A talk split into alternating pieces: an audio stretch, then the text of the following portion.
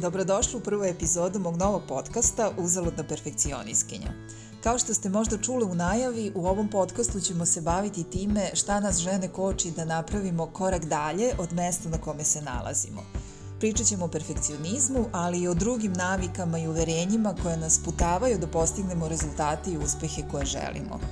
U sjajnoj knjizi How Women Rise, autori Sally Helgesen i čuveni coach dr. Marshall Goldsmith identifikovali su 12 navika koje sputavaju žene da napreduju na poslu. U narednim epizodama pričat ću o ovim navikama i kroz sobstveno tumačenje i primere iz mog ličnog radnog iskustva, ali i rada sa ženama, potrudit ću se da vam na što jednostavniji način predstavim navike i uverenja koje nas putavaju da napredujemo. Moja želja je takođe da pokrenemo razgovor na sve ove teme, i da kroz razmenu mišljenja i iskustava pomognemo jedne drugima da se bolje razumemo, a onda i neke stvari promenimo ukoliko to želimo. Stoga vas ohrabrujem da mi pišete svoje razmišljanja na ove teme i podelite primere iz sobstvenog iskustva u komentarima na društvenim mrežama. Možete me naći na Instagramu i Facebooku, a svi linkovi su u opisu ove epizode.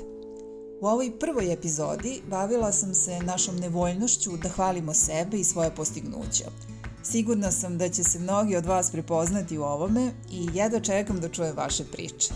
Krećemo. E, ne volim ti ja to, znaš. Ne volim da pričam o sebi, da se hvalim, šta sam sve uradila ili postigla, to mi nekako degutantno ti pravo kažem. Neka drugi sude o tome koliko sam ja dobra ili ne. Glupo je ja o tome da pričam.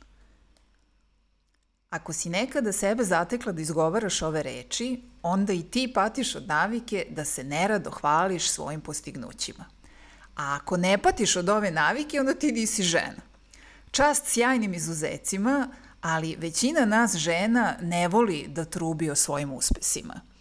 Ne volimo da se hvalimo kako smo dobre u svom poslu, šta smo sve danas uradile, kako smo uspele da rešimo neki težak problem za firmu, kako smo sjajno organizovali neki veliki važan događaj.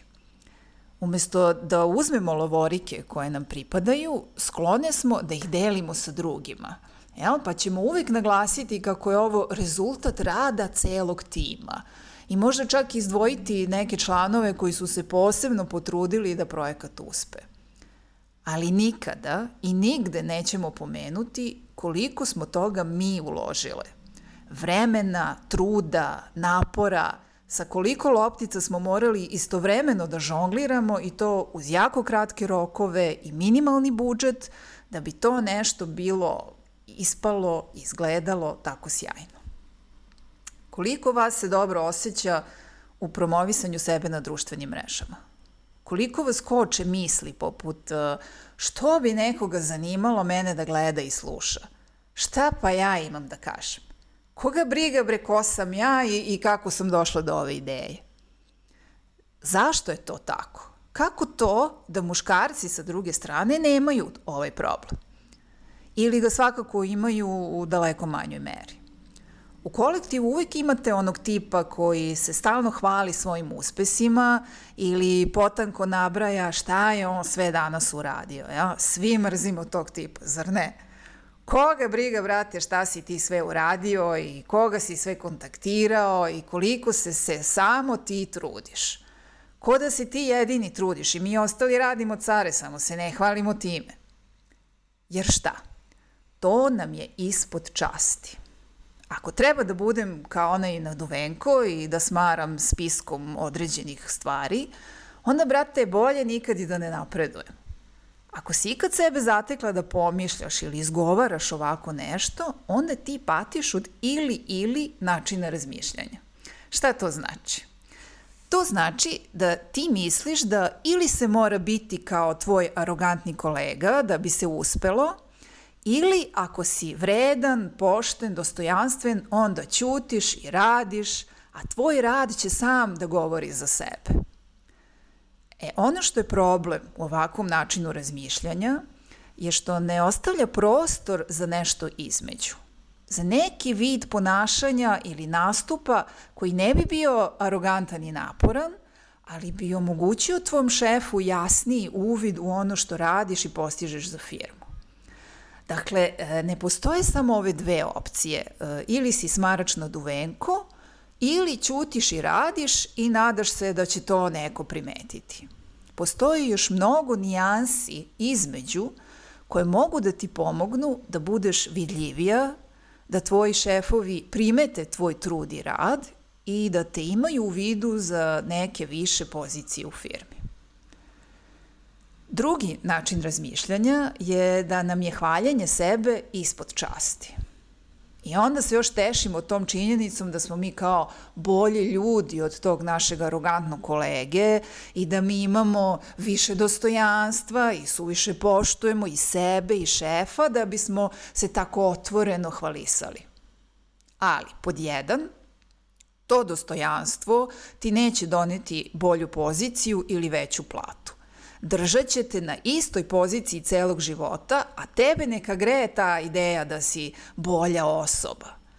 A mnogo važnije pod dva, to uljuljkivanje u ideju da smo bolji od tog hvalisavca nam ne daje priliku da probamo nešto kod sebe da promenimo. Da se zapitamo, a čekaj, a što je meni problem da privučem pažnju na sebe i na svoje uspehe? I onda bi nas ta linija preispitivanja sebe dovela i do nekog rešenja kako to da promenimo, a da ne ispadamo arogantni i hvalisavi.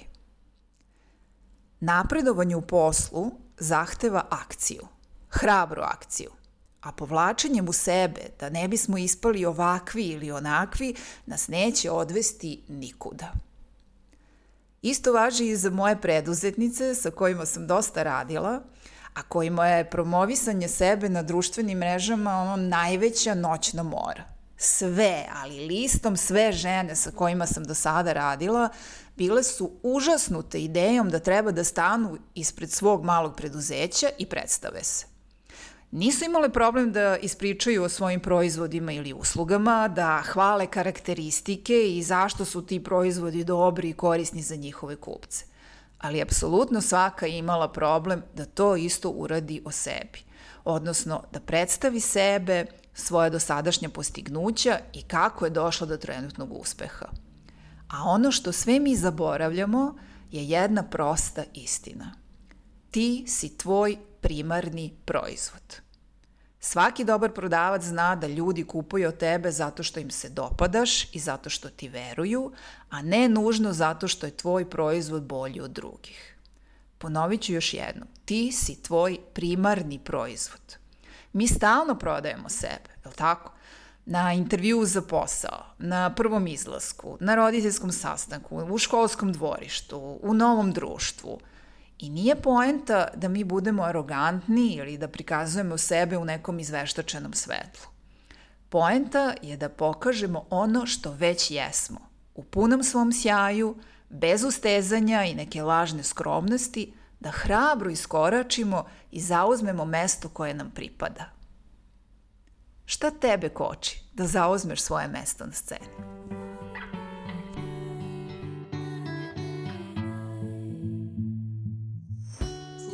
Podcast Uzaludna perfekcioniskinja. Hvala vam što ste tu, što delite sa mnom svoje vreme, probleme i iskustvo i što imate radoznalost i volju da radite na sebi. Ovaj podcast možete pratiti na podcast platformama poput Spotify-a i Google podcasta, a svi linkovi su u opisu ove epizode. Ukoliko ne želite da propustite sledeću epizodu, možete me zapratiti na podcast platformi koju koristite. Pozdravljam vas do naredne epizode.